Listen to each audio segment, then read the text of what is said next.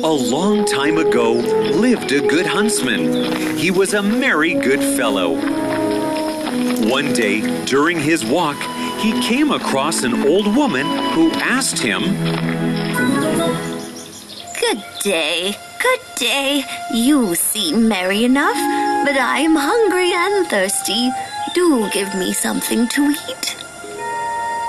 He pitied the old woman and gave her everything he had. The woman was happy. He decided to leave when the woman stopped him.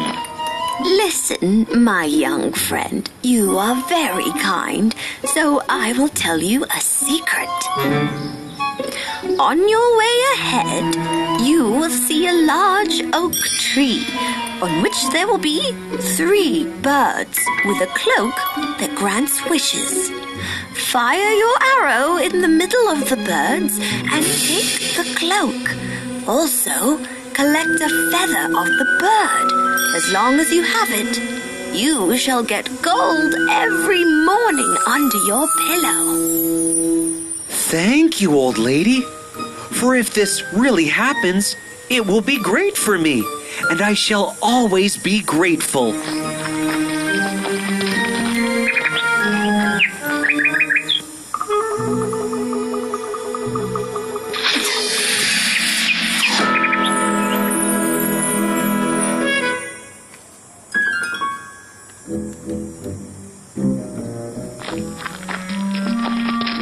Thus the huntsman went home, hung the cloak on his wall, and slept on his bed with the feather in his shirt.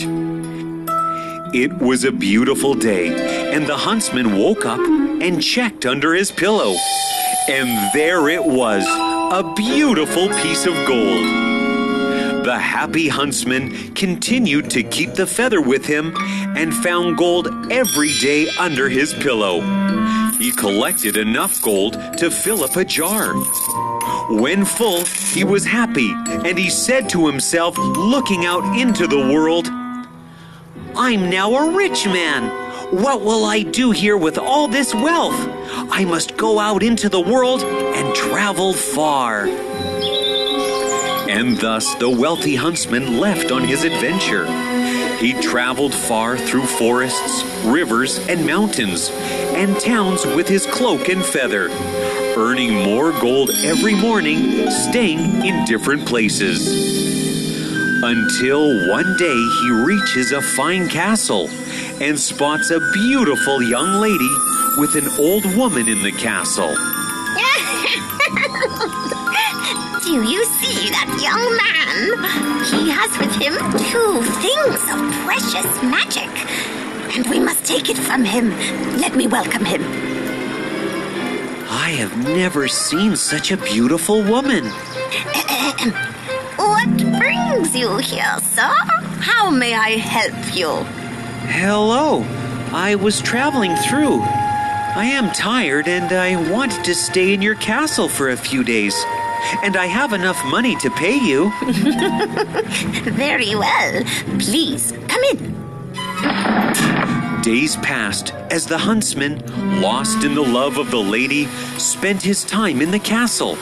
The witch stole his feather while he sleeps, and yet the huntsman does not react, as he is in love with the beautiful woman. His wealth starts to go as he spends it by paying the witch to stay. The witch desired for the cloak as well. The old witch talks to the young lady near a fireplace in the castle. We must get the cloak at once. The man has already lost his wealth. Please let him be. You will do as I say, and I shall have that cloak at once.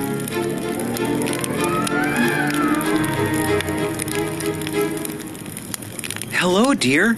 You seem worried. What makes you sad? There is a great granite rock upon which lay great diamonds and rocks. No man can reach there. I want to be there, but I can't, and it makes me sad. If that is your desire, then I shall fulfill it right away.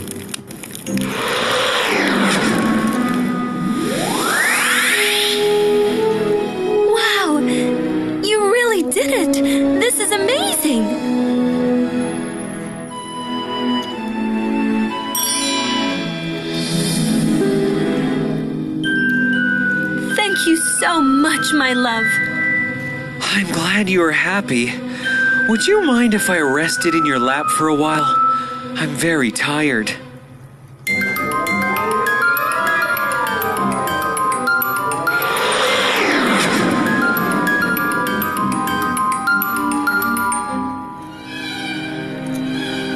The huntsman wakes up and realizes he is stranded, and in anger curses the woman. What rogues people are! What will become of me? At that very moment, he sees three giants heading his way. Realizing he can't run, he acts dead. The giants discuss among themselves what to do of him. Let's kill him and eat him. The clouds will carry him away from here. Let's not get in any trouble and attract more men here.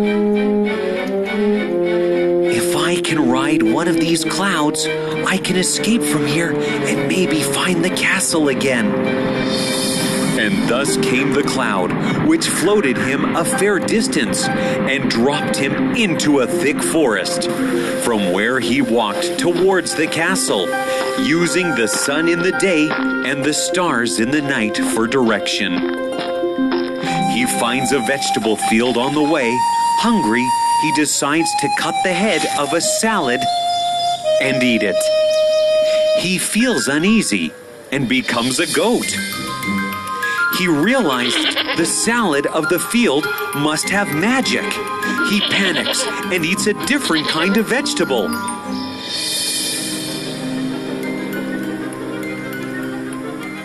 This shall help me get back my wealth and to teach a lesson to those cheats.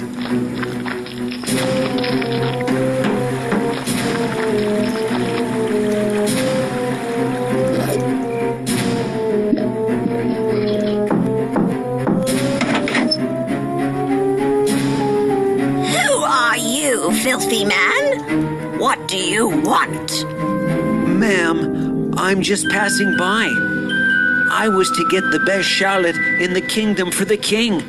I have found it and carrying. Need to rest for a night. Really? Will you let me taste the finest shallot in the kingdom? Of course, ma'am. Hmm. This is quite delicious. Hmm, Indeed, it is. Thus, the huntsman gets back his wealth. However, he is not done with the goats. He gave the goats to a miller and instructed him to feed the old one stripes three times and hay once a day, and to the young one hay three times a day and stripes once. A few days later, the miller returned with the young one. Sire, the old goat died, and this one looks so sorrowful that it won't last too long. My dear huntsman, I'm sorry for everything. The witch made me do it. I could not stop her. I forgive you, for I believe in you and I love you. And thus they lived happily ever after.